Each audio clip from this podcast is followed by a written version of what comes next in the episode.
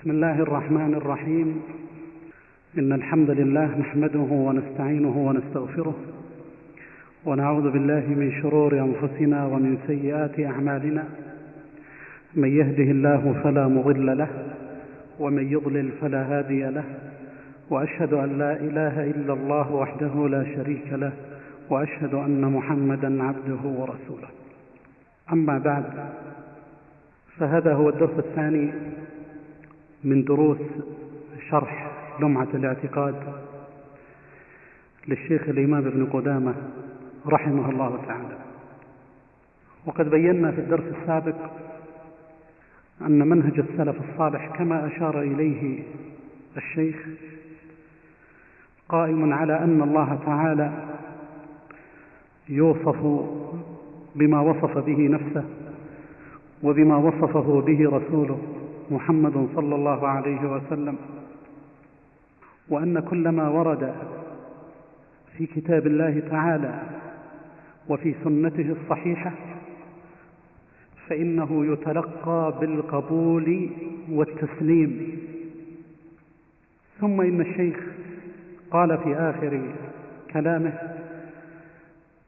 وترك التعرض أي في باب الأسماء والصفات وترك التعرض له بالرد والتأويل والتشبيه والتمثيل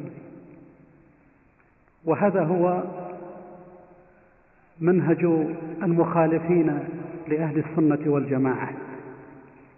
إذا جاءتهم النصوص فهم فيها على طرائق. فمنهم من يرد فيقول حتى ولو جاء الدليل على هذه الصفة مثلا أو على هذا الأمر العقدي في كتاب الله أو صح عن رسول الله صلى الله عليه وسلم فهو غير مقبول. وهذا معنى قول الشيخ دون التعرض له بالرد. فأهل السنة والجماعة يقبلون ولا يردون ما ورد من ذلك.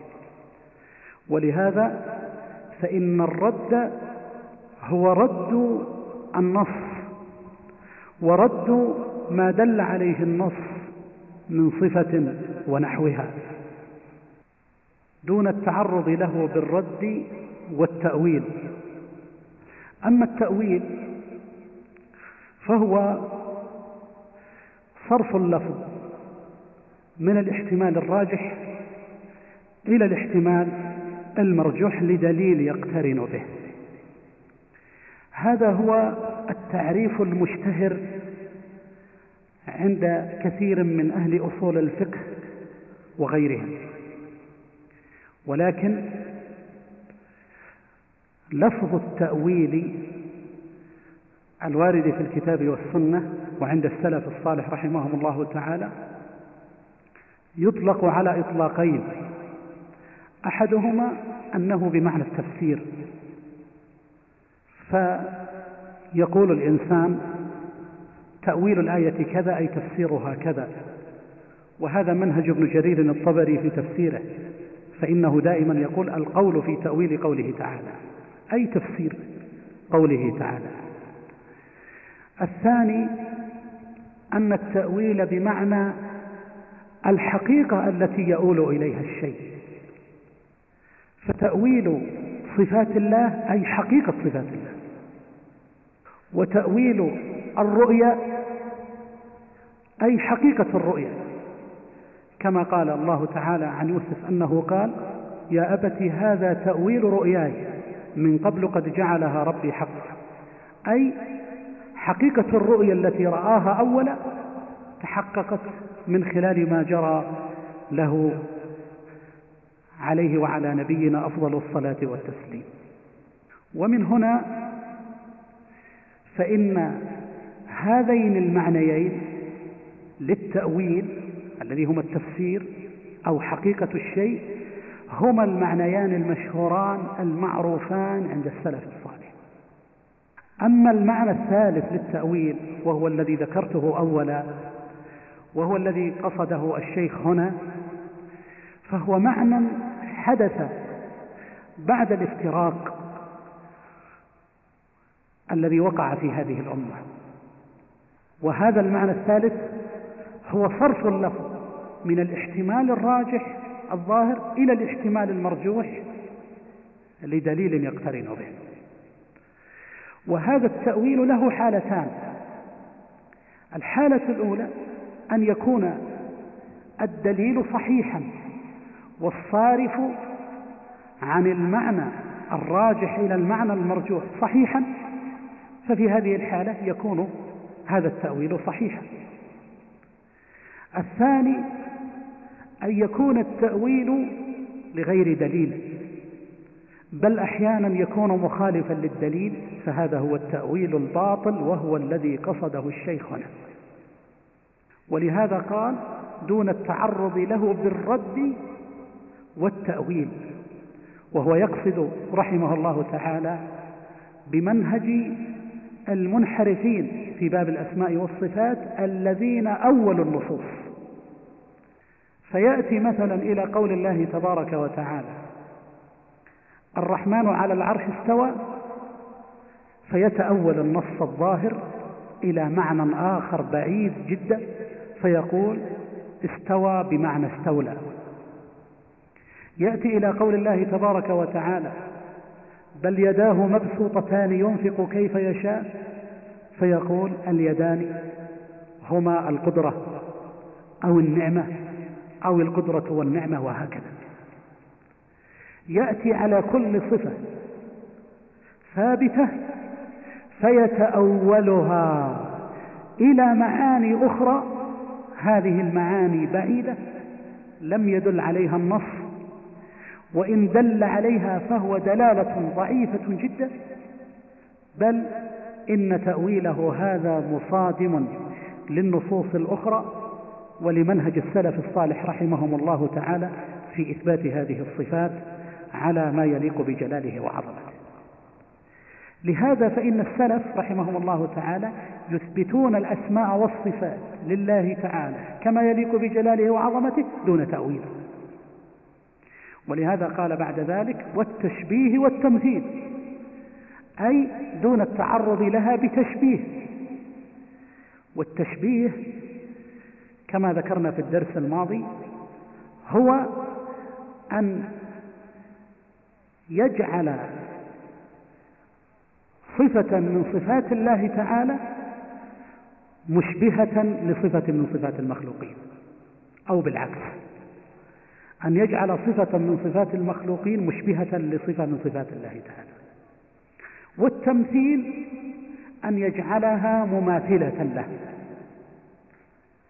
ولهذا فالفرق بين التشبيه والتمثيل أن التشبيه إنما يكون في بعض الأشياء وقد لا يكون فيها جميعا. أما التمثيل فإنه يكون في جميع الأشياء. فإذا قلت هذا مثل هذا فأنت تقصد أنه مماثل له تماما. لكن إذا قلت هذا يشبه هذا فأنت تقصد أن بينهما شبها وبينهما أيضا فرقا. أهل السنة والجماعة هم وسط بين أهل التعطيل الذين دخلوا في التأويل والتحريف لنصوص الصفات وبين أهل التشبيه والتمثيل الذين شبهوا الله بخلقه وشبهوا صفاته تعالى بصفات خلقه. ومنهجهم رحمهم الله تعالى وسط في ذلك. ثم قال الشيخ رحمه الله تعالى وما أشكل من ذلك وجب إثباته لفظا وترك التعرض لمعناه. ونرد علمه إلى قائله.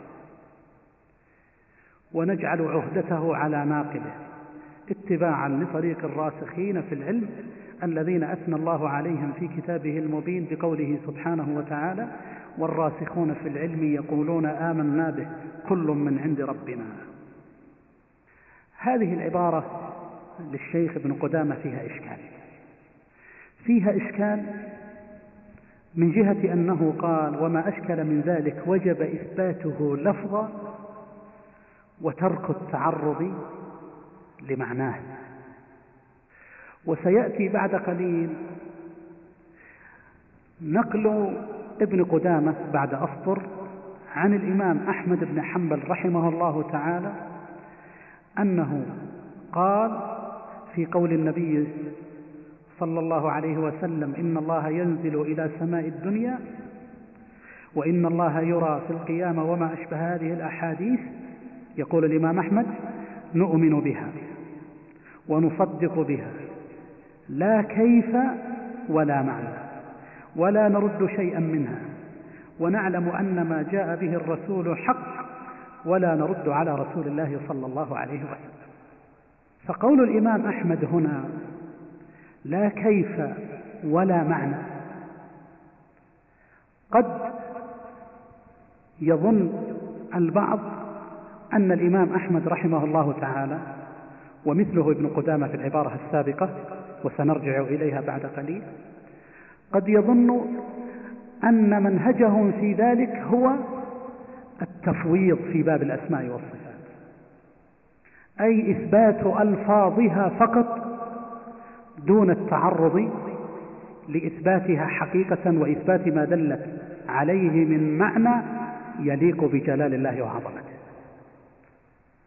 ونقول إن هذا المذهب الذي هو مذهب التفويض أو أهل التفويض هو مذهب مخالف لمذهب أهل السنة والجماعة ولم يقل به أحد منهم وإنما هو مذهب لطوائف انحرفت عن منهج عن المنهج الصحيح لأهل السنة والجماعة. ولهذا فإن قول الإمام أحمد هنا لا كيف صحيح لا نكيفها. وقوله لا معنى إنما يقصد أننا لا نتعرض لمعناها بالتأويل والتحريف والتشبيه ونحو ذلك. أي لا نظهر لها معنى يخالف ظاهرها الذي دلت عليه. ولهذا قال بعد ذلك ولا نرد شيئا منها. ونصدق بما جاء به الرسول صلى الله عليه وسلم. فهو بين أن منهج السلف إثبات الصفات. وإثبات الصفات لله سبحانه وتعالى هو إثباتها على ما يليق بجلاله وعظمته. وإثبات المعنى الذي دلت عليه والذي دل عليه النص. وليس المقصود إثبات اللفظ فقط.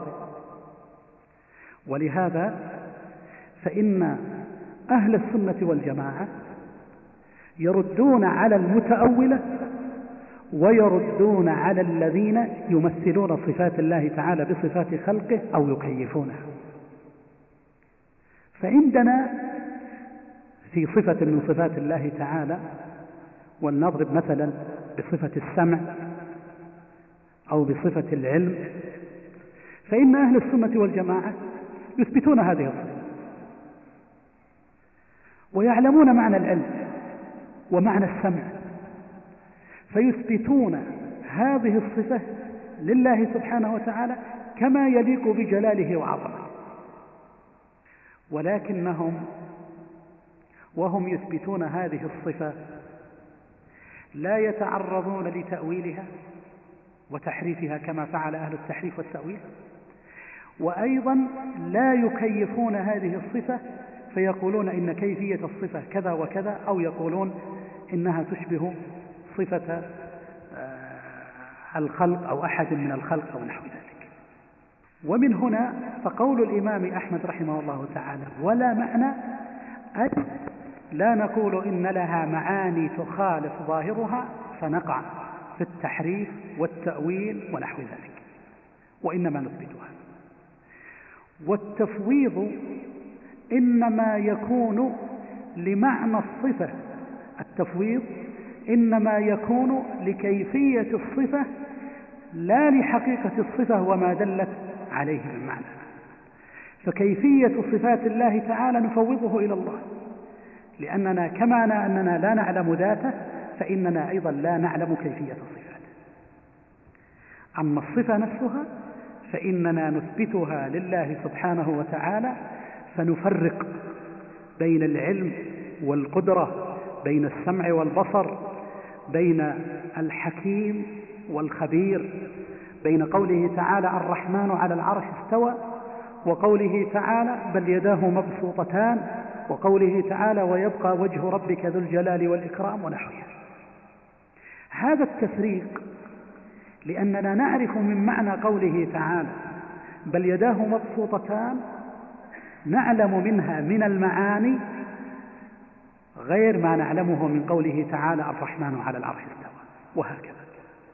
إذا نخلص في هذه القضية إلى أن القول بأن السلف يثبتون ألفاظ نصوص الصفات فقط مجردة ويفوضون ما دلت عليه ولا يثبتون لها معاني هو قول أهل التفويض وهو مردود. أما منهج أهل السنة والجماعة فهو إثبات هذه الصفات حقيقة على ما يليق بجلاله وعظمته دون تحريف ودون تشبيه. فيثبتونها ويثبتون ما دلت عليه من المعاني. أما الكيفية فهذه يفوضونها إلى الله سبحانه وتعالى ويقولون إنه لا يعلم كيفية صفاته إلا الله سبحانه وتعالى. هنا قلنا في عبارة الشيخ لما قال وما أشكل من ذلك وجب إثباته لفظا وترك التعرض لمعناه. إن قصد إن كان الشيخ قد قصد ما قصده الإمام أحمد في العبارة التالية فما قاله الشيخ هنا صحيح وهو أن أهل السنة والجماعة لا يتعرضون للمعاني التي هي معان تأويلية فيها تحريف لما دلت عليه هذه الصفات من معاني بل يثبتونها ويثبتون ما دلت عليه كما يليق بجلاله وعظمته. أما إن كان ما يفهم من عبارة الشيخ أنه قد نثبت اللفظ فقط ولا نتطرق للمعنى ولا نفهم أي معنى للصفة فنقول هذا فيه شيء من التفويض والمعروف عن أهل السنة والجماعة أنهم بعيدون جدا عن أهل التفويض لأن مآل مذهب أهل التفويض هو التجهيل للرسول صلى الله عليه وسلم ولأصحابه لأن القائل إذا قال نفوض الصفات ونفوض ما دلت عليه من معاني. يؤول به الأمر إلى أننا نقرأ قول الله تعالى وهو الغفور الرحيم فلا نفهم شيئا. لأننا نقول اسمه الغفور الرحيم وما دل عليه وما دل عليه هذان الاسمان من صفة نفوض معناه فنقرأ وهو الغفور الرحيم وهو العزيز الحكيم وهو على كل شيء قدير. ألا يعلم من خلق وهو اللطيف الخبير أنزله بعلمه الرحمن على العرش استوى. ويبقى وجه ربك وغضب الله عليهم. نقرأ هذه الآيات فلا نفقه منها شيئا لأننا نفوض المعنى. هذا المعنى الذي قصده هؤلاء ينتهي بهم إلى التجهيل الذي قال فيه بعض العلماء إنه شر من التعطيل. لأن معناه أن الرسول والصحابة وأيضا نحن يجب علينا أن نتلو القرآن فما ورد منه. متعلقا بأسمائه وصفاته فيجب أن نثبت لفظه فقط دون أن نثبت له أي دلالة وأي معنى. وهذا مذهب خطير جدا مخالف لمذهب السلف رحمه الله تعالى. أما حينما نثبت ما دلت عليه هذه النصوص من معاني ونقول إننا نثبتها لله كما يليق بجلاله وعظمته من غير تعطيل ومن غير تشبيه. أما إذا صنعنا هذا فإننا والحالة هذه نكون قد فهمنا ما دل عليه النص فنفهم من قوله تعالى وهو العليم الخبير. إثبات اسمه تعالى العليم واسمه تعالى الخبير.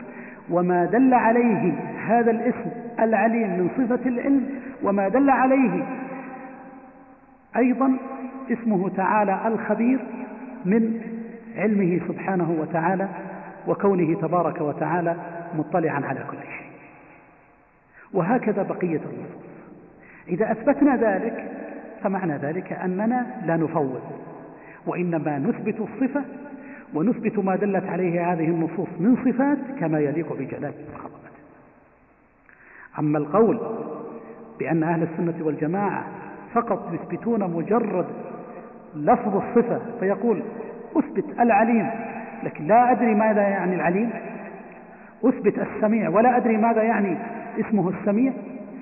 أثبت لله صفة الإرادة والقدرة والغضب والرضا ولا أدري ما معناها. نقول هذا معناه تفويض لمعنى هذه الصفات يؤدي إلى أنك تجهل النصوص وتجهل ما دلت عليه. ولا شك أن الله سبحانه وتعالى أنزل علينا القرآن هدى ورحمة وتبيانا لكل شيء.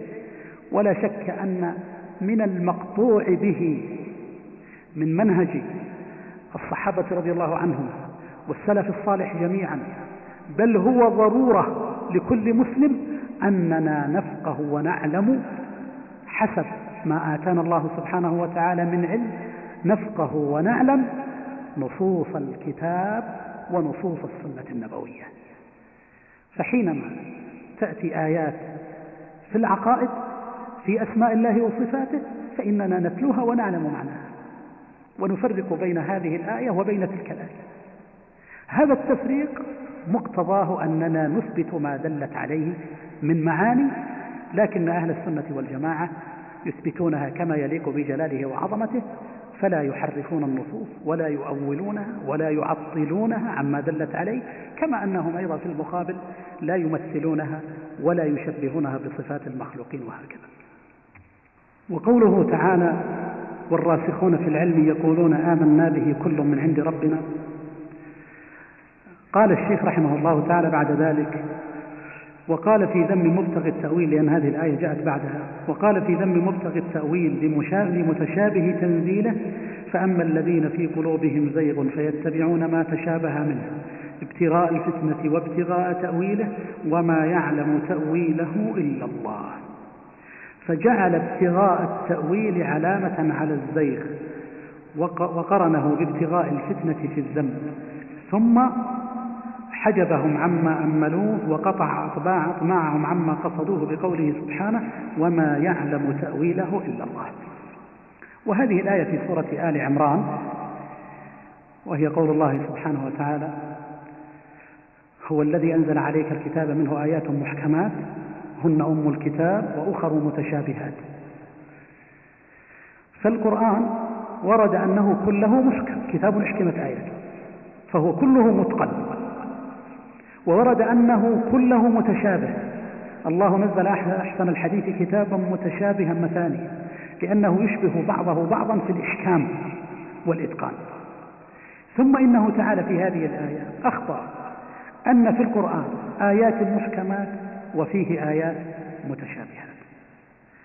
فبين الله تبارك وتعالى في هذه الآية أن أهل الزيغ وابتغاء الفتنة يتبعون ما تشابه منه لماذا؟ ابتغاء الفتنة وابتغاء تأويله. ابتغاء الفتنة وإثارة الفتنة بين الناس لإغوائهم وإضلالهم. وابتغاء تأويله أي تأويل النصوص لتوافق ما عنده. ثم قال تعالى وما يعلم تأويله إلا الله. ومعروف أقوال العلماء في الوقف هنا. والوقف هنا سواء كان على قوله وما يعلم تأويله إلا الله أو على قوله والراسخون في العلم مبني على معنى التأويل في الآية. فإذا قيل إن معنى التأويل في الآية هو التفسير أي وما يعلم تأويله أي تفسيره إلا الله فحينئذ يجوز الوصل فيكون المعنى وما يعلم تأويله إلا الله والراسخون في العلم. لأن الراسخين في العلم يعلمون تأويل وتفسير القرآن الكريم. أما على المعنى الثاني المشهور عند السلف وهو أن التأويل حقيقة الشيء حقيقة هذه الأمور فيكون الوقف واجبا على قوله إلا الله. ويكون المعنى وما يعلم تأويله إلا الله. أي وما يعلم حقيقة هذه الصفات أو حقيقة ما أعد الله للمؤمنين في الآخرة أو حقيقة ما أعد الله للكفار في النار إلا الله. ثم يقول والراسخون في العلم يسلمون ويقولون والراسخون في العلم يقولون آمنا به كل من عند ربنا. هنا ما هو المحكم والمتشابه في هذه الآية؟ كثر حقيقة خوض الناس في هذا وخاصة من تعرض لمسائل علوم القرآن حينما يتكلم عن هذه الآية المحكم والمتشابه في القرآن الكريم. فقلما تعرض من كتب في المحكم والمتشابه في علوم القرآن إلا وأخطأ في فهم هذه الآية.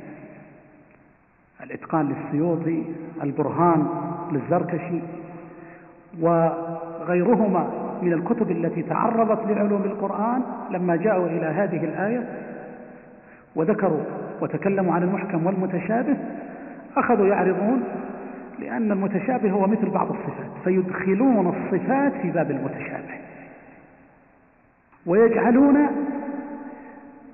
المتشابه فيها إما أن يفوض معناه أن يفوض معاني هذه الصفات وإما أن تتأول أي أن تتأول هذه الصفات إلى معان أخرى لم تدل عليها ولم يدل عليها سياق الآيات الكريمة.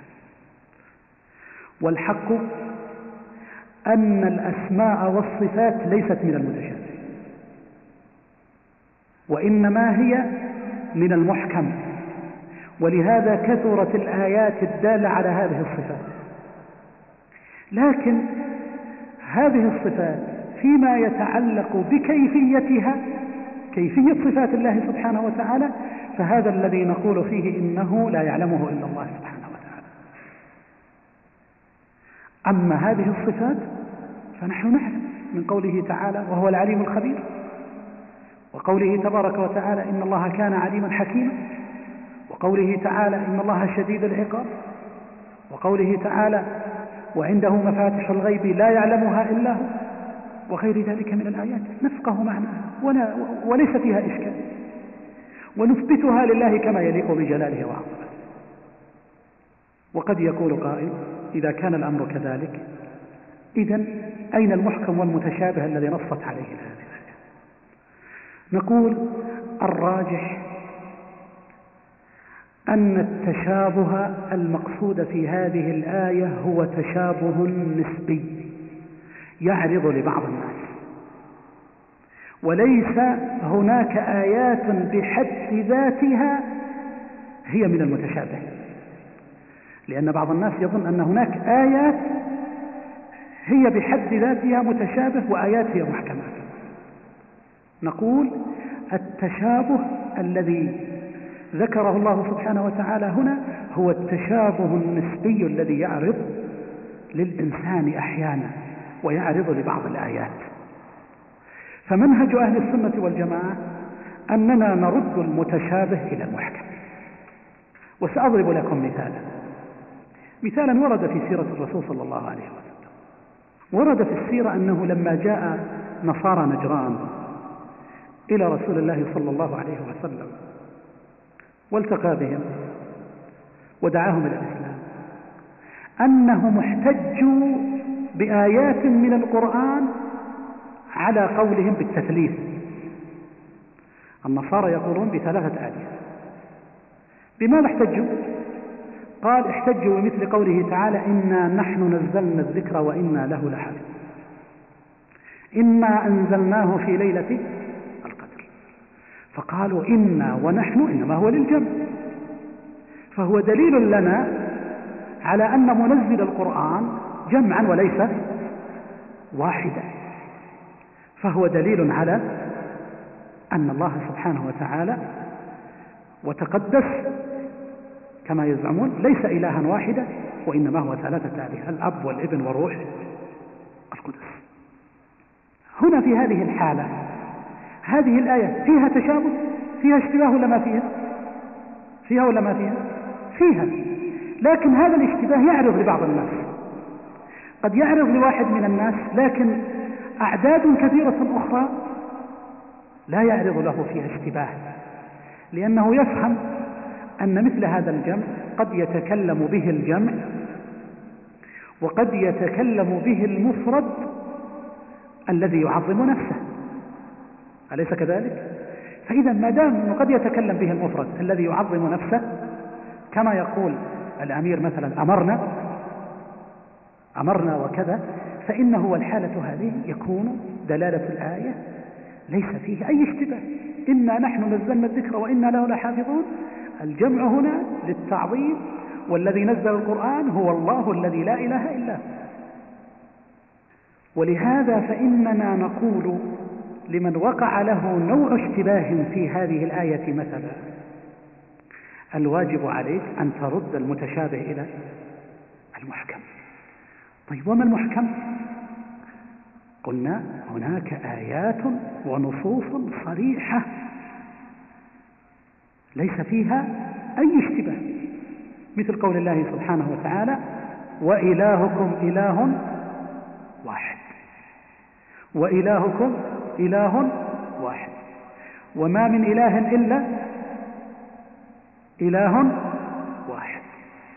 فهذه النصوص صريحة صراحة تامة في أنه بأن الله سبحانه وتعالى واحد لا شريك له. فإذا رددنا هذا المتشابه إلى المحكم تبين لدينا المعنى الصحيح ولم نقع في خلط لكن أهل الزيغ أهل الفتنة يتبعون ما تشابه. فيأتي بمثل هذه الآية ويحتج بها على المسلمين ويقول نعم إنا نحن إنا نزلنا إنا أنزلنا.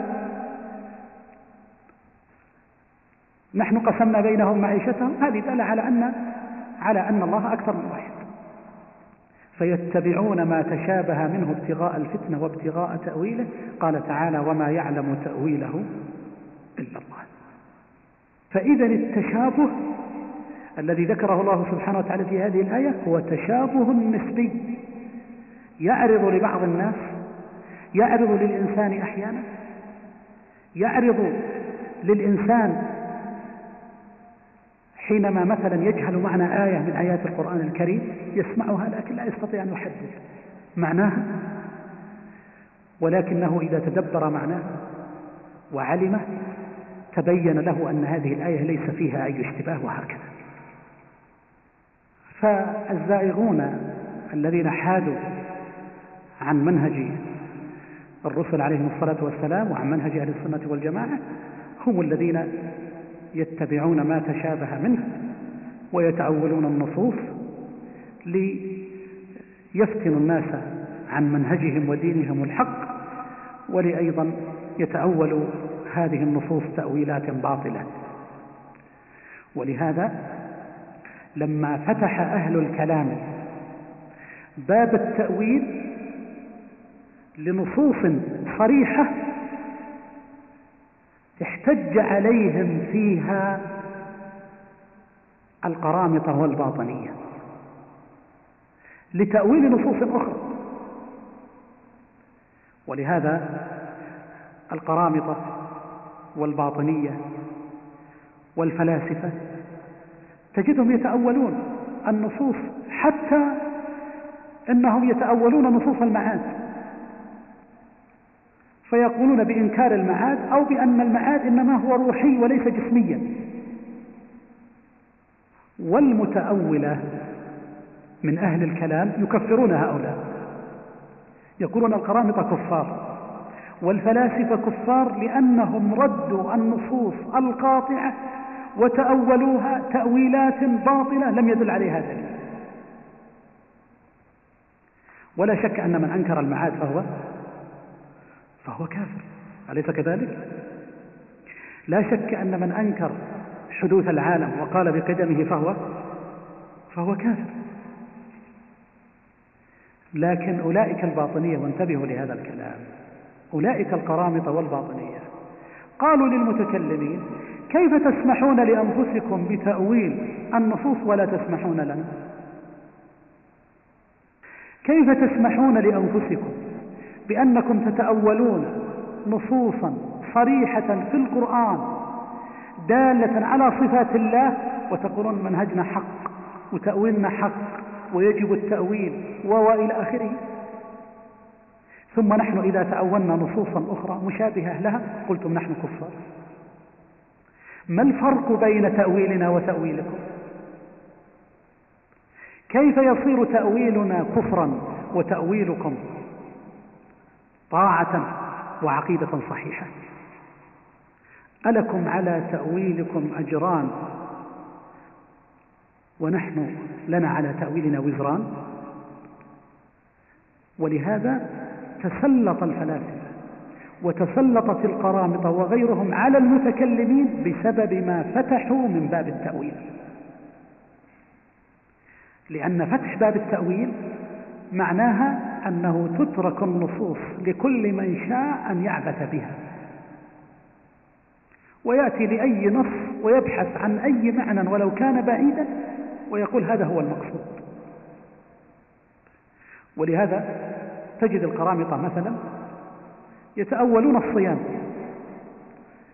ما هو الصيام؟ قال لك الصيام هو حفظ أسرار الدعوة. كيف تتأولهم؟ قال نعم. عندنا في اللغة العربية صام يصوم أمسك. والشاعر العربي يقول خيل صيام وخيل غير صائمة تحت العجاج وأخرى تعلك اللجمة أي خيل ممسكة وخيل غير ممسكة فهذا هو في اللغة العربية. إذا أمرنا بالصيام فالصيام هو الإمساك. والإمساك المقصود به الإمساك عن كشف أسرار الدعوة الباطنية. وهذا هو وهذا تأويل صحيح. هكذا يزعمون. إذا هذا التأويل الذي دخل منه هؤلاء ليؤولوا الصلاة ويؤولوا الصيام ويؤولوا الحج ويؤولوا رؤوس العبادات وأركان الإسلام. ما دخلوا إلا لما رأوا المتكلمين من المعتزلة العقلانيين ومن غيرهم ممن سلك مسلكهم إلا لما رأوهم يعبثون بنصوص القرآن والسنة الصريحة ويتأولون. استوى على العرش؟ قال لك استولى على العرش. من أين جاء هذا؟ ولم يرد في اللغة العربية استوى بمعنى استولى. إلا بيت شعر لا يعرف قائل ويقال إنه منحول لأجل هذه القضية. قد استوى بشر على العراق من غير سيف أو دم مهراق. لما يأتي إنسان ويقول يقول الله سبحانه وتعالى ما منعك أن تسجد لما خلقت بيدي. بصيغة التثنية. يأتيك المتأول ويقول اليد هنا القدرة. أو اليد هنا النعمة. تأويل بعيد. بيدي. يعني بقدرتي بنعمتي. لا يمكن. تأويل بعيد جدا. بل تأويل القرامطة للصيام أقرب من هذا التأويل. ومن هنا أيها الإخوة في الله كان تركيز السلف رحمهم الله تعالى في هذا الباب على رد التحريف ورد التأويل. لأن التأويل يفتح أبوابا كثيرة وعظيمة وأبواب فتنة وزيغ حينما يتلاعب المتلاعبون بنصوص كتاب الله تعالى وما صح من سنة رسوله صلى الله عليه وسلم. ولهذا نقل الشيخ رحمه الله تعالى عن إمام أهل السنة أبي عبد الله أحمد بن حنبل رحمه الله تعالى أنه قال في قول الرسول صلى الله عليه وسلم إن الله ينزل إلى سماء الدنيا وإن الله يرى في القيامة وما أشبه هذه الأحاديث. ويلاحظ أن الإمام أحمد هنا استشهد بأحاديث دليل على إثبات الصفات لله سبحانه وتعالى من السنة الصحيحة. فنزول الله تعالى إلى سماء الدنيا ثابت ودلت عليه أحاديث صريحة صحيحة كثيرة ونزوله كما يليق بجلاله وعظمته. هكذا يثبت أهل السنة والجماعة. كذلك أيضا أن الله يرى في الآخرة في الجنة يراه المؤمنون دلت عليه الأحاديث المتواترة.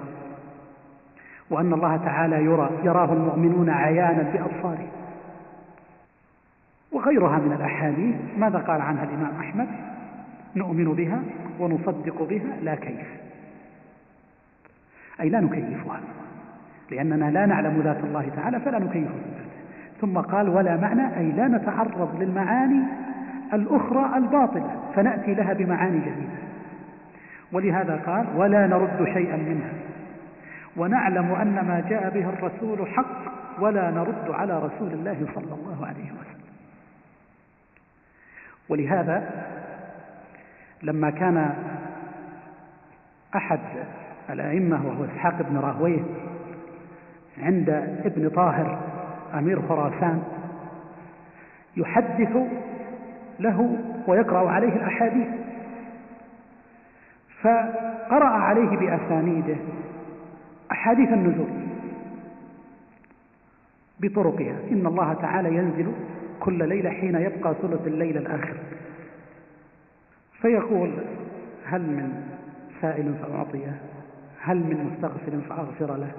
هل من تائب فأتوب عليه؟ فقال عبد الله بن طاهر وفي بعض روايات القصة أن أحد الجالسين قال كيف ينزل؟ كيف تحدث بهذه الأحاديث؟ أن الله ينزل. وإلى الآن كثير ممن يتعرض يقول لك الذي ينزل هو رحمته الذي ينزل هو أمره الذي ينزل هو ملك من الملائكة. لماذا؟ يستثقلون مثل هذا الحديث الذي ثبت عن النبي صلى الله عليه وسلم بطرق عديدة صحيحة ويظنون أنه يلزم منه التشبيه. وأن نزول الله سبحانه وتعالى إلى نزول إلى السماء الدنيا مثل نزول المخلوقين. فهذا الرجل أو هذا الأمير اعترض وقال كيف ينزل؟ كيف تحدث بهذه الأحاديث فماذا قال له إسحاق بن راهويه قال له يا أمير هذه أحاديث رسول الله صلى الله عليه وسلم نرويها. بها نحرم الحرام وبها نحل الحلال وبها نستحل الفروج وبها تقطع الرقاب. يعني نثبت بها الأحكام. نفس الإسناد الذي نقطع به رقبة فلان شرعا. هو نفس الإسناد الذي نحدث فيه فيه بمثل هذا الحديث عن رسول الله صلى الله عليه وسلم. فإذا أردتنا أن نرد هذا فلنرد الشريعة الإسلامية من أولها إلى آخرها ولنرد سنة الرسول صلى الله عليه وسلم كلها. ولهذا فكان الأئمة رحمهم الله تعالى يروون هذه الأحاديث لا يفرقون بينها. المهم أن تكون صحيحة الإسناد ثابتة إلى رسول الله صلى الله عليه وسلم. فما دلت عليه من صفة فإنهم يثبتونه كما دل عليه القرآن. فلا يفرقون بين القرآن وبين السنة في إثبات ذلك. ولهذا قال الإمام أحمد ولا نرد على رسول الله صلى الله عليه وسلم. ما دام الإسناد ثابتا فإننا نؤمن به ونصدقه. ونثبت هذه الصفات كما يليق بجلاله وعظمته من غير تحريف ومن غير ومن غير تكييف ومن غير تشبيه ومن غير تمثيل. ثم قال ولا نصف الله بأكثر مما وصف به نفسه بلا حد ولا غاية ليس كمثله شيء وهو السميع البصير. ونقول كما قال ونصفه بما وصف به نفسه. ولا نصف الله بأكثر مما وصف به نفسه. هذا قيد مهم في منهج أهل السنة والجماعة بمعنى أن الأسماء والصفات توقيفية وأنه ليس كل معنى صحيح نثبته لله سبحانه وتعالى صفة لأنه معنى صحيح. يعني يشبه هذا ما نأتي مثلا إلى عبارة صحيحة ونقول قال رسول الله. يعني مثلا لو واحد جاء وقال قال رسول الله صلى الله عليه وسلم افعل الخير وأحسن إلى جارك إحسانا في الليل وفي النهار. ما يأتي واحد يقول فعلا هذا المعنى الصح هذا المعنى الصحيح. يقوله الرسول. لا مانع من أن يقوله الرسول صلى الله عليه وسلم. نقول لا. حتى ولو كان المعنى صحيحا. لا يجوز أن ننسبه إلى رسول الله صلى الله عليه وسلم ما لم يثبت عنه بالإسناد الصحيح. كذلك أيضا ما نأتي إلى صفة من الصفات مثلا وإن كان معناها صحيحا. ونقول مثلا هذه صفة نثبتها لله. مثل لو أن أعجبتنا كلمة مهندس. ونقول فعلا أنه يعني الآن فن الهندسة في العصر الحديث إلى آخره يعتبر فن دقيق ورائع وإلى آخره. فنقول إن هذا الكون بخلقه رائع وعظيم جدا. فما المانع من أن نقول إن الله هو مهندس الكون؟ فنقول من أسمائه المهندس ومن صفاته هذه الصفات ما ينبغي لنا. وإن كان المعنى صحيحا وإن كان المعنى صحيحا فلا يجوز لنا أن نصف الله إلا بما ورد. لكن بعض العلماء قالوا يتساهل في باب الإخبار. يعني وأنت تخبر أو تشرح أو تترجم لا مانع من أن تأتي بكلمات. هذه الكلمات ولو لم ترد من باب الإخبار تنسبها إلى الله سبحانه وتعالى. فتقول مثلا إن الله مثلا صنع هذا الكون. تريد أن تشرح وتوضح لكن ما تأتي وتقول إن من أسمائه الصانع ما لم يثبت هذا الاسم أو نحو ذلك. فقالوا في باب الإثبات حينما تثبت لله اسما من أسمائه أو صفة من صفاته لابد أن يكون قد دل عليها الدليل من كتاب الله أو من سنة رسوله صلى الله عليه وسلم. لكن في باب الإخبار مثل باب الترجمة يجوز أن تخبر وأن توضح وأن تشرح هذه الأمور ولو كان شرحك مما يتعلق بالله سبحانه وتعالى إذا أحسن الإنسان التعبير يعني أتى بالعبارات اللائقة. ثم إن الإمام أحمد أيضا قال ليس كمثله شيء وهو السميع البصير. وهذه قاعدة مشهورة لأهل السنة والجماعة. إثبات الصفات من غير تشبيه ومن غير تعطيل ليس كمثله شيء رد على المشبهة وهو السميع البصير رد على المعطلة. ثم قال ونقول كما قال ونصفه بما وصف به نفسه لا نتعدى ذلك.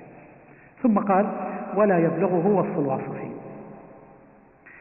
لا يبلغه وصف الواصفين بمعنى أن الله سبحانه وتعالى هو العظيم وهو ذو الجلال والإكرام فإن الواصفين له مهما وصفوه لن يبلغوا وصفه لن يبلغوا المبلغ اللائق به سبحانه وتعالى فإنه تبارك وتعالى له الأسماء الحسنى والصفات العليا.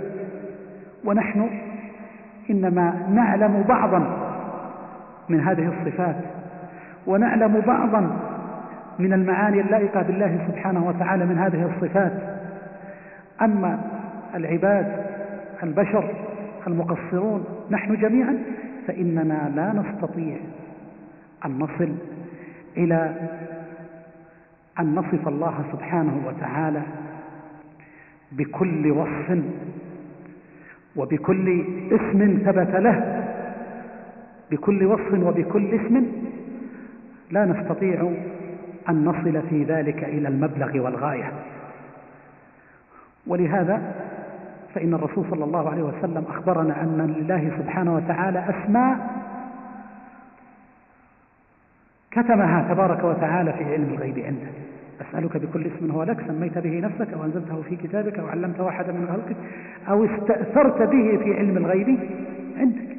فلله أسماء وصفات استأثر الله بها. فمن أين لبشر أن يحيط بذلك؟ لكن نثبت لله سبحانه وتعالى. ما علمنا مما ورد مما مما ورد في الكتاب والسنة من أسمائه وصفاته كما يليق بجلاله وعظمته. ثم قال ونؤمن بالقرآن نؤمن بالقرآن كله محكمه ومتشابهه ولا نزيل عنه صفة من صفاته لشناعة شنعت. ولا نتعدى القرآن والحديث ولا نعلم كيف كنه ذلك. إلا بتصديق الرسول صلى الله عليه وسلم وتثبيت القرآن. وهذا الكلام دل على عدة أمور.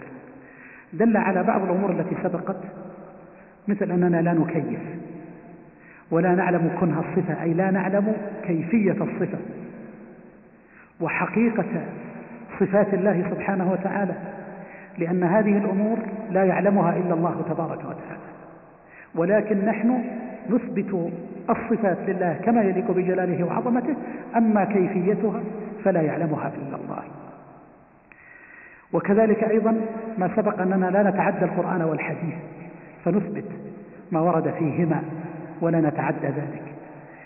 لكن نقف عند قوله ولا نزيل عنه صفة من صفاته لشناعة شنعت أي أنه إذا ثبت بالدليل من كتاب الله أو من سنة رسوله صلى الله عليه وسلم. صفة لله فإننا نثبتها. ولا نرد هذه الصفة أو نتأولها لأجل تشنيع المخالفين. مثل أن يأتي قائل ويقول تثبت لله الوجه تثبت لله اليدين إثبات الوجه واليدين والعين لله هذا تجسيم. كأنك تشبه الله بالمخلوقين. فمن أثبت لله الوجه واليدين فقد أثبت لله أبعاضا فهو مجسم. فيشنع علينا عندما نثبت هذه الصفات بمثل هذه الشناعات. بأن هذا تشبيه وهذا تجسيم وهذا تشبيه لله بخلقه وهذا لا يليق بالله وكأنك تمثل الله بخلقه إلى آخره. ما هو موقفنا؟ موقفنا من ذلك هل نخضع لشناعة هؤلاء أو لتشنيع هؤلاء؟ أم ماذا نصنع؟ منهج أهل السنة والجماعة أننا لا ننظر إلى تشنيع هؤلاء. فنثبت لله ما ثبت ولو شنعوا فإذا جاءوا وقالوا إثبات الوجه لله تجسيم نقول نحن نثبت لله الوجه. سمه تجسيما أو لا تسمه نحن لا نلتفت إلى قولك. نحن نثبت لله اليدين كما يليق بجلاله وعظمته. إذا سميت هذا تشبيها وتجسيما نحن لا نلتفت إليه. ولن نرد الصفة لأجل تشنيعك علينا بأننا مجسمة أو مشبهة أو حشوية أو نابتة أو غير ذلك. كما أننا مثلا لا آه، نرد محبة أصحاب الرسول صلى الله عليه وسلم لأجل تشنيع الرافضة. حينما يقول لا ولاء إلا ببراء.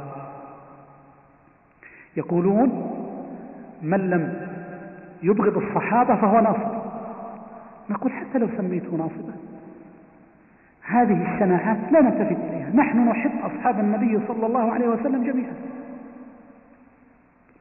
وبالمقابل لو قال لنا ناصبي لا تحبون آل البيت لأن محبة آل البيت رفض. نقول حتى ولو شنعتم علينا. وقلتم إن محبة آل بيت رسول الله صلى الله عليه وآله وسلم رفضا لو قلتم عن هذا لا نخضع لقولكم. بل نحب آل بيت رسول الله صلى الله عليه وسلم المحبة اللائقة بهم. ولو أنكم شنعتم وسميتم بذلك سميتم ذلك رفضا. إن كان رفضا حب آل محمد فليشهد الثقلان أني رافضي. والآخر يقول إن كان نصبا حب صحب محمد فليشهد الثقلان أني ناصبي. يعني أن العبارات والشناعات لا تغير من حقائق الأمر ومن حقائق الأمور. فنحب أصحاب الرسول ونحب آل بيت رسول الله ولو أن هؤلاء سموه نصبا وأولئك سموه نصبا. كذلك أيضا نثبت لله الوجه واليدين والاستواء والنزول كما يليق بجلاله وعظمته ولو أن المعطلة سموا هذا تشبيها أو سموه تجسيما أو غير ذلك. فلا ينبغي للمتمسك بمنهج أهل السنة والجماعة أن يستسلم لتشنيع هؤلاء. مثله تماما. ما يفعله كثير من الناس اليوم. إذا رأى الشاب الملتزم قال هذا متطرف متزمت أصولي إرهابي إلى آخره. فلا ينبغي للإنسان أن يترك سنة الرسول وأن يترك التمسك بما أوجب الله عليه وأوجب عليه رسوله صلى الله عليه وسلم لأجل شناعات هؤلاء. إذا كان مثلا الذي يرفع ثوبه فوق العقبين فوق الكعبين. يقال عنه إنه متطرف. أو انظر إليه ويأتون بشناعات أبدا. لا ينبغي للإنسان أن يلبس ثوبا وينزله تحت الكعبين حتى تزول عنه الشناعة. لا والله. وإنما يلتزم هدي الرسول صلى الله عليه وسلم ولو شن عنه شن وكذا وكذا الالتزام بكل سنة الرسول عليه الصلاة والسلام. وهكذا. مسيرة أهل الزيغ والضلال على مدار التاريخ متشابهة. متشابهة منذ عهد الرسول صلى الله عليه وسلم وإلى ما شاء الله. في كل وقت يخترعون ألقابا جديدة يشنعون بها على المتمسكين على المتشبثين بكتاب ربهم وبسنة رسوله صلى الله عليه وسلم. والمؤمن الصادق الواثق من نفسه الواثق من منهجه هو الذي لا يعبأ بمثل هذه العبارات ولا بمثل هذه الشناعات بل يعتز بدينه اعتزازا قويا والله سبحانه وتعالى مؤيده وناصره ومثبته. ثم قال الشيخ رحمه الله تعالى قال الإمام أبو عبد الله محمد بن إدريس الشافعي الإمام المشهور رحمه الله عنه آمنت بالله وبما جاء عن الله على مراد الله. وآمنت برسول الله وبما جاء عن رسول الله على مراد رسول الله. وهذه عبارة عظيمة للإمام الشافعي رحمه الله تعالى. أي أنني أؤمن بالله تعالى وأؤمن بالرسول. لكن قصد العبارة الثانية. أيضا أؤمن بما جاء عن الله في كتابه. أو بما جاء عن رسول الله صلى الله عليه وسلم في سنته على مراد الله ورسوله. والمعنى أنني آمنت بهما كما أراد الله تبارك وتعالى وأراد رسوله صلى الله عليه وسلم. وقد يقول قائل وهل معنى ذلك التفويض؟ أنني آمنت بها لكن لا, لا أعرف معناها. نقول لا. هل أراد الله منا لما أنزل علينا القرآن أن نتلوه وأن نكون مثل أهل, مثل أهل الكتاب. لا يعلمون الكتاب إلا أماني أي تلاوة وقراءة. أم أراد الله منا التدبر والتفهم والتمعن في الآيات القرآنية؟ ماذا أراد الله منا؟ أراد الله منا الأمر الثاني لا شك. أن نقرأ القرآن وأن نعرف معناه وأن نفهمه وأن نعمل به. وإلا فكيف نعمل بالقرآن ونحن لا نفقه معناه؟ أفلا يتدبرون القرآن أم على قلوب أقفالها؟ أفلم يدبروا القول؟ أفلا تعقلون؟ إلى آخر الآيات. إذا أمرنا بالتدبر أو لا؟ أمرنا بالتدبر. إذا مراد الله لما أنزل علينا هذا القرآن وفيه أسماء الله وفيه صفاته أن نتدبر. ومن هنا فنحن نثبتها على ما أراد الله لأن سياقات هذه الآيات القرآنية دل على ذلك. فحينما مثلا يقول الله سبحانه وتعالى واتقوا الله إن الله شديد العقاب. ماذا أراد الله منا أن نفهم أنه شديد العقاب نثبت اللفظ ولا نفقه المعنى؟ والله لو كان هذا المعنى ما فقهنا آيات القرآن.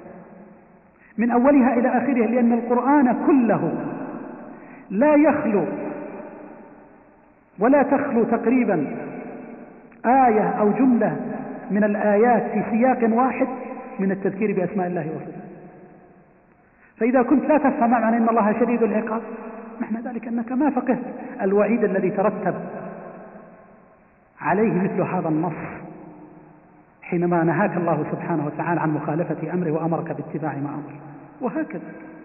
كذلك أيضا على مراد رسول الله الرسول صلى الله عليه وسلم حدث أصحابه. وقال لهم ينزل ربنا. أو قال إنكم سترون ربكم كما ترون القمر. ليلة البدر. ماذا أراد رسول الله؟ أراد رسول الله صلى الله عليه وسلم من الصحابة أن يثبتوا أن الله يرى كما يرى القمران والتشبيه إنما هو للرؤية وليس المرئي بالمرئي وهذا معنى عبارة الشافعي رحمه الله تعالى. ثم قال الشيخ وعلى هذا درج السلف وأئمة الخلف رضي الله عنهم. السلف هم السلف الصالح رحمه الله تعالى. قول الشيخ هنا وأئمة الخلف الخلف لها معنى لغوي ولها معنى اصطلاحي. كما أن السلف لها معنى لغوي ولها معنى اصطلاحي. فالمعنى اللغوي للسلف والخلف هو أن السلف من سبق والخلف من لحق. فيقال هؤلاء سلف وهؤلاء خلف له فمن تقدم سلف ومن جاء بعدهم فهو لهم خلف. هذا المعنى اللغوي. لكن بعد الخوض وبعد بعد التفرق الذي وقع في الأمة الإسلامية صار السلف والخلف لكل منهما معنى خاص به. هذا المعنى يدل دلالة اصطلاحية معينة. فصار السلف يدل على من صار على منهج الرسول صلى الله عليه وسلم وأصحابه. سواء كان في عهد الصحابة أو في عهد التابعين أو من بعدهم وإلى عصرنا الحاضر وصار الخلف مصطلح على من حرف وغير وبدل فيقال هذا من الخلف أي أنه مغير لا يسير على منهج السلف. فصارت السلف والخلف كلمتان متقابلتان. فقيل الخلف أي كل من يتأول سواء كان في الزمن الأول يعني مثلا في عصر التابعين أو من بعدهم أو في العصر الحديث مثلا كل من تأول النصوص نقول هذا على منهج الخلف. والسؤال هنا الشيخ ماذا قال؟ قال وعلى هذا درج السلف وأئمة الخلف رضي الله عنهم وأرضاهم. السلف سواء كانت هنا بالمعنى اللغوي أو الاصطلاحي ما فيها إشكال لكن الخلف ما المقصود بها؟ اللغوي ولا الاصطلاحي؟ اللغوي هنا. وأئمة الخلف أي الأئمة الذين جاءوا بعد السلف. الأئمة الذين جاءوا بعد السلف فإنهم صاروا على منهج السلف الصالح رحمهم الله تعالى. ولم يقصد أن أئمة الخلف وأئمة البدع هذا منهجهم. وإنما مقصد قصده أئمة الخلف الذين جاءوا بعد أولئك السلف. رضي الله عنهم كلهم متفقون على الإقرار والإمرار. على الإقرار أي الإقرار واليقين والإيمان والإثبات لتلك الصفات الواردة في كتاب الله وفي سنة رسوله صلى الله عليه وسلم. والإمرار أي أنهم يمرونها ولا يتعرضون لتأويلها وتحريفها والإثبات لما ورد من الصفات في كتاب الله وسنة رسوله صلى الله عليه وسلم من غير تعرض لتأويله. وهذا واضح المعنى. لكن نقف عند قوله والإمرار لأنه ورد عن جمهرة من السلف أنهم سئلوا عن الصفات فقالوا أمروها كما جاءت. أمروها كما جاءت. فهل هذا تفويض؟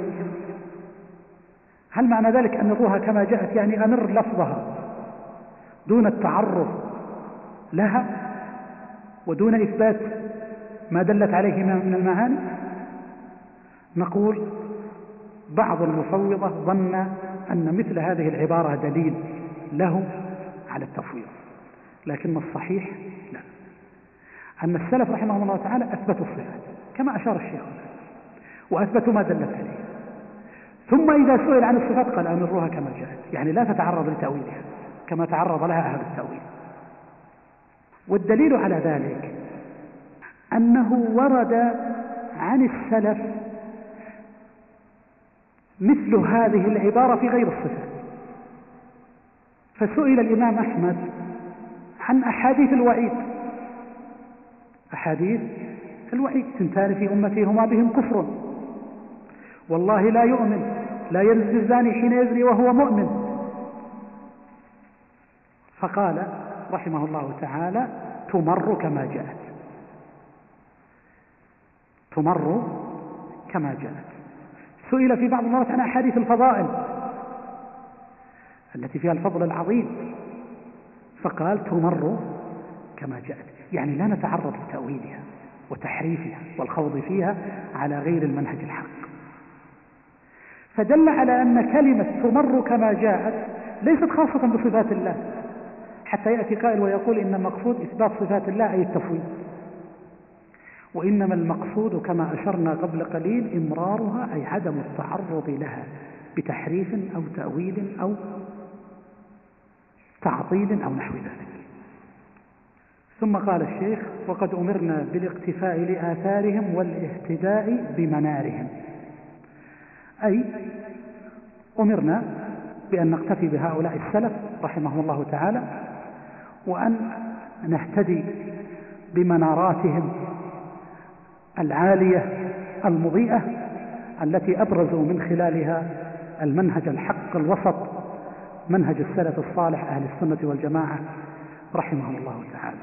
ولهذا قال وحذرنا المحدثات وحذرنا المحدثات وأخبرنا أنها من الضلالات فقال النبي صلى الله عليه وسلم عليكم بسنتي وسنة الخلفاء الراشدين المهديين من بعدي عضوا عليها بالنواجد وإياكم ومحدثات الأمور فإن كل محدثة بدعة وكل بدعة ضلالة.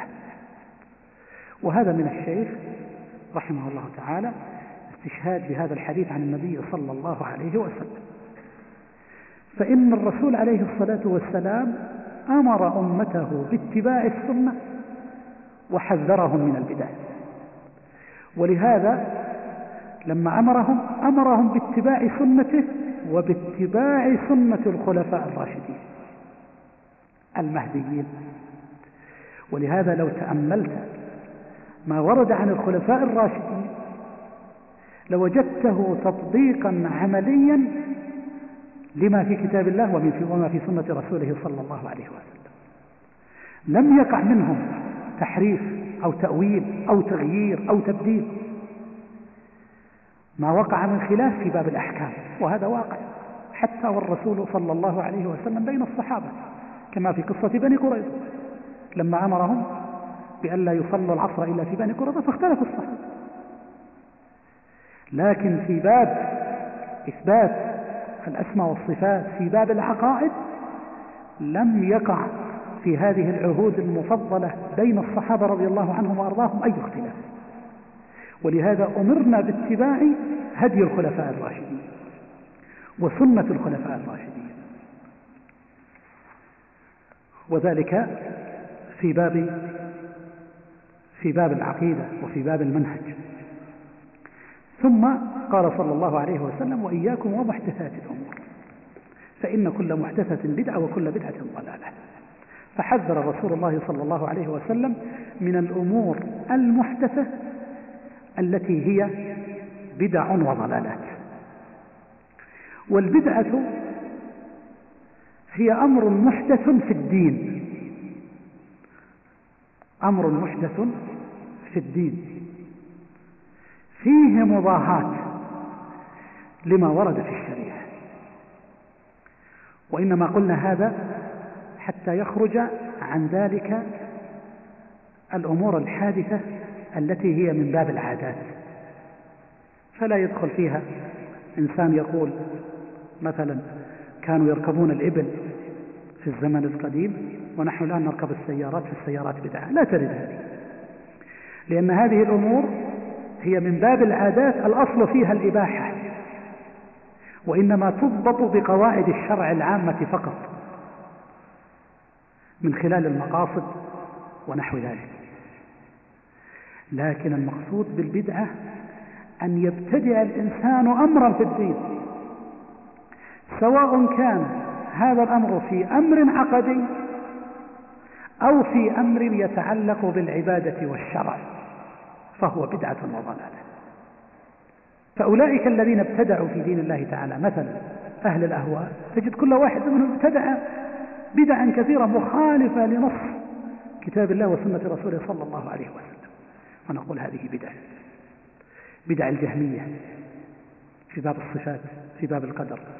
بدع المعتزلة في باب الصفات وفي باب القدر.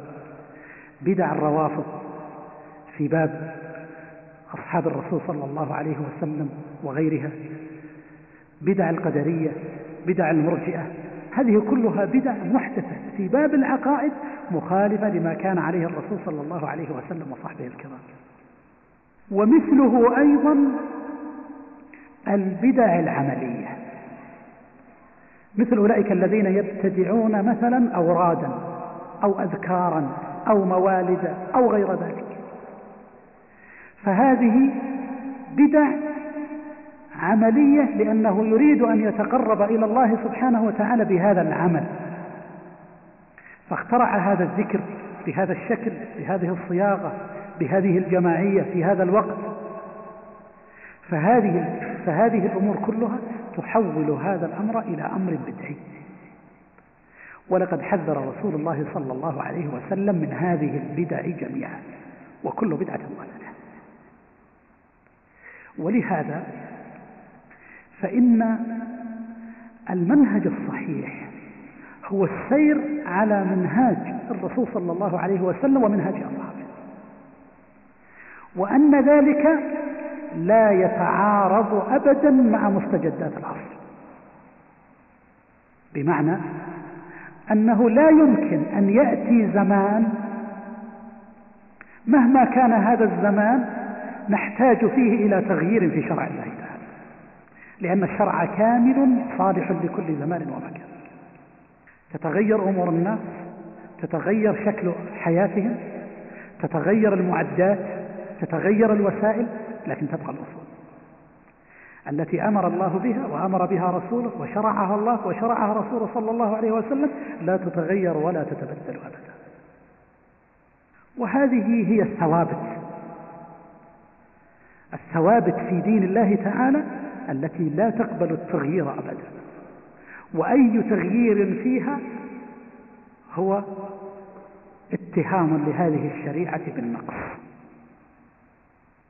سواء كان في باب العقائد والتصورات ونحو ذلك أو في باب الشريعة وتطبيقها أو في باب العبادات التي يتقرب بها العباد إلى ربهم سبحانه وتعالى كل هذه الأمور مما جاءت به الشريعة كاملة ولا تتغير هذه الأمور أبدا مهما اختلف الزمان ومهما تغير المكان.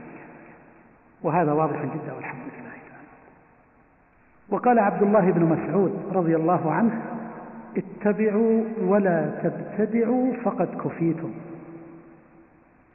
اتبعوا ابحثوا عن الاتباع. ولا تبتدعوا فقد كفيتم أي أن الشريعة كاملة. منهج السلف الصالح الذين طبقوا هذه الشريعة كان منهجا كاملا. فلست بحاجة إلى أن تخترعوا أشياء. ولهذا من العجيب جدا أن كثيرا من المسلمين يظن أن الأمور لا تصلح إلا بأن يأتي هو بشيء جديد. يريد أن يزيد تعبيد الناس لربهم تبارك تعالوا إلى باب الأذكار. باب الأذكار. والله لسنا بحاجة إلى أذكار التيجانية ولا النقشبندية ولا الأحمدية ولا غيرها من الطرق الصوفية. لسنا بحاجة إلى هذه الأذكار. عندنا مما ثبت في كتاب الله وفي سنة رسوله صلى الله عليه وسلم مئات الأذكار التي لو طبقناها وأخلصنا في تطبيقها لكنا أعبد الناس.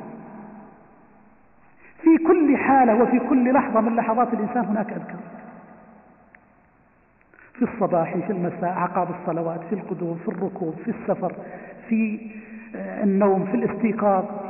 حتى والإنسان في أخص خصوصياته مع أهله.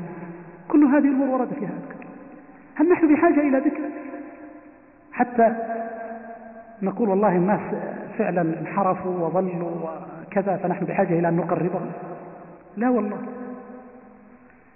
لا والله لقد كفينا ورسول الله صلى الله عليه وسلم ما انتقل إلى الرفيق الأعلى إلا وقد أكمل الشريعة وأكمل التبليغ ووصلنا هذا كاملا والحمد لله بأسانيد صحيحة. فلسنا بحاجة أبدا إلى أن يأتينا أناس يكملون. ولهذا صارت هذه الأمور ما هي إلا بدع. وضلالات لأن فيها اتهاما للرسول صلى الله عليه وسلم بأنه ما كمل هذا الدين ما كمل التبليغ وفيها اتهام لربنا تبارك وتعالى وتقدس وتنزه في أنه تبارك وتعالى كما يدعي هؤلاء أيضا لم يكمل لنا الشريعة. يقول ابن مسعود فقد كفيتم نعم نعم نحن مكفيون بالكتاب وبما صح من سنة رسوله صلى الله عليه وسلم. مكفيون بذلك التطبيق العملي من أصحاب الرسول عليه الصلاة والسلام. فلسنا بحاجة إلى أن نأتي ببدع. نزعم أننا نقرب الناس فيها إلى ربهم تبارك وتعالى. ونقف عند هذا الحد. بالنسبة للأسئلة هذا سائل يقول يقول الله سبحانه وتعالى كلا إذا دكت الأرض دكا دكا وجاء ربك والملك صفا صفا. هل هذه صفة من صفات الله سبحانه وتعالى؟ نقول نعم. آه، من صفات الله تبارك وتعالى هذه الصفة وهي صفة المجيء وسيأتي بيانها إن شاء الله تعالى. يقول هذا السائل أحمد بن حنبل رحمه الله تعالى قال ولا نرد على رسول الله صلى الله عليه وسلم هل هذا فيه رد على المفوضة؟ نقول نعم. فيه ضمنا الرد على المفوضة لأن المفوضة كأنهم يردون على رسول الله صلى الله عليه وسلم أنه ما أوضح ما أوضح هذه الأمور وإنما نحن نثبتها إثبات لفظ ولا نثبت ما دلت عليه من معاني. هذا السائل يقول ورد عن النبي صلى الله عليه وسلم أنه قال إن لله تسعة وتسعين اسما من أحصاها دخل الجنة. يقول هل نفهم أن لله تسعة وتسعين اسما فقط؟ ويسأل عن معنى أحصاها. نقول هذا الحديث لا يدل على أن لله تسعة وتسعين اسما فقط. وإنما هذا فيه خبر أن لله تسعة وتسعين اسما من أحصاها. دخل الجنة. ففيه خبر لمن أحصى هذه التسعة وتسعين. أما الأحاديث الأخرى فقد دلت على أن أسماء الله أكثر من تسعة وتسعين كما ذكرنا في أثناء الدرس.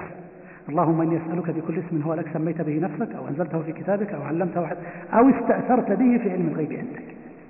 أما معنى أحصاها فالعلماء اختلفوا فيها. والذي يظهر والله أعلم أن من معنى أحصاها أي حفظها ووعاها وعمل بمقتضاها. حفظها ووعاها أي حفظها لم يحفظها لفظا وإنما حفظها وما دلت عليه من معنى ثم عمل بمقتضاها. فإذا الغفور عمل بمقتضى الغفور السميع عمل بمقتضى علم أن الله يسمع كلامه فلا يقول الخنا ولا يغش ولا يدلس وهكذا في بقية أسماء الله سبحانه وتعالى.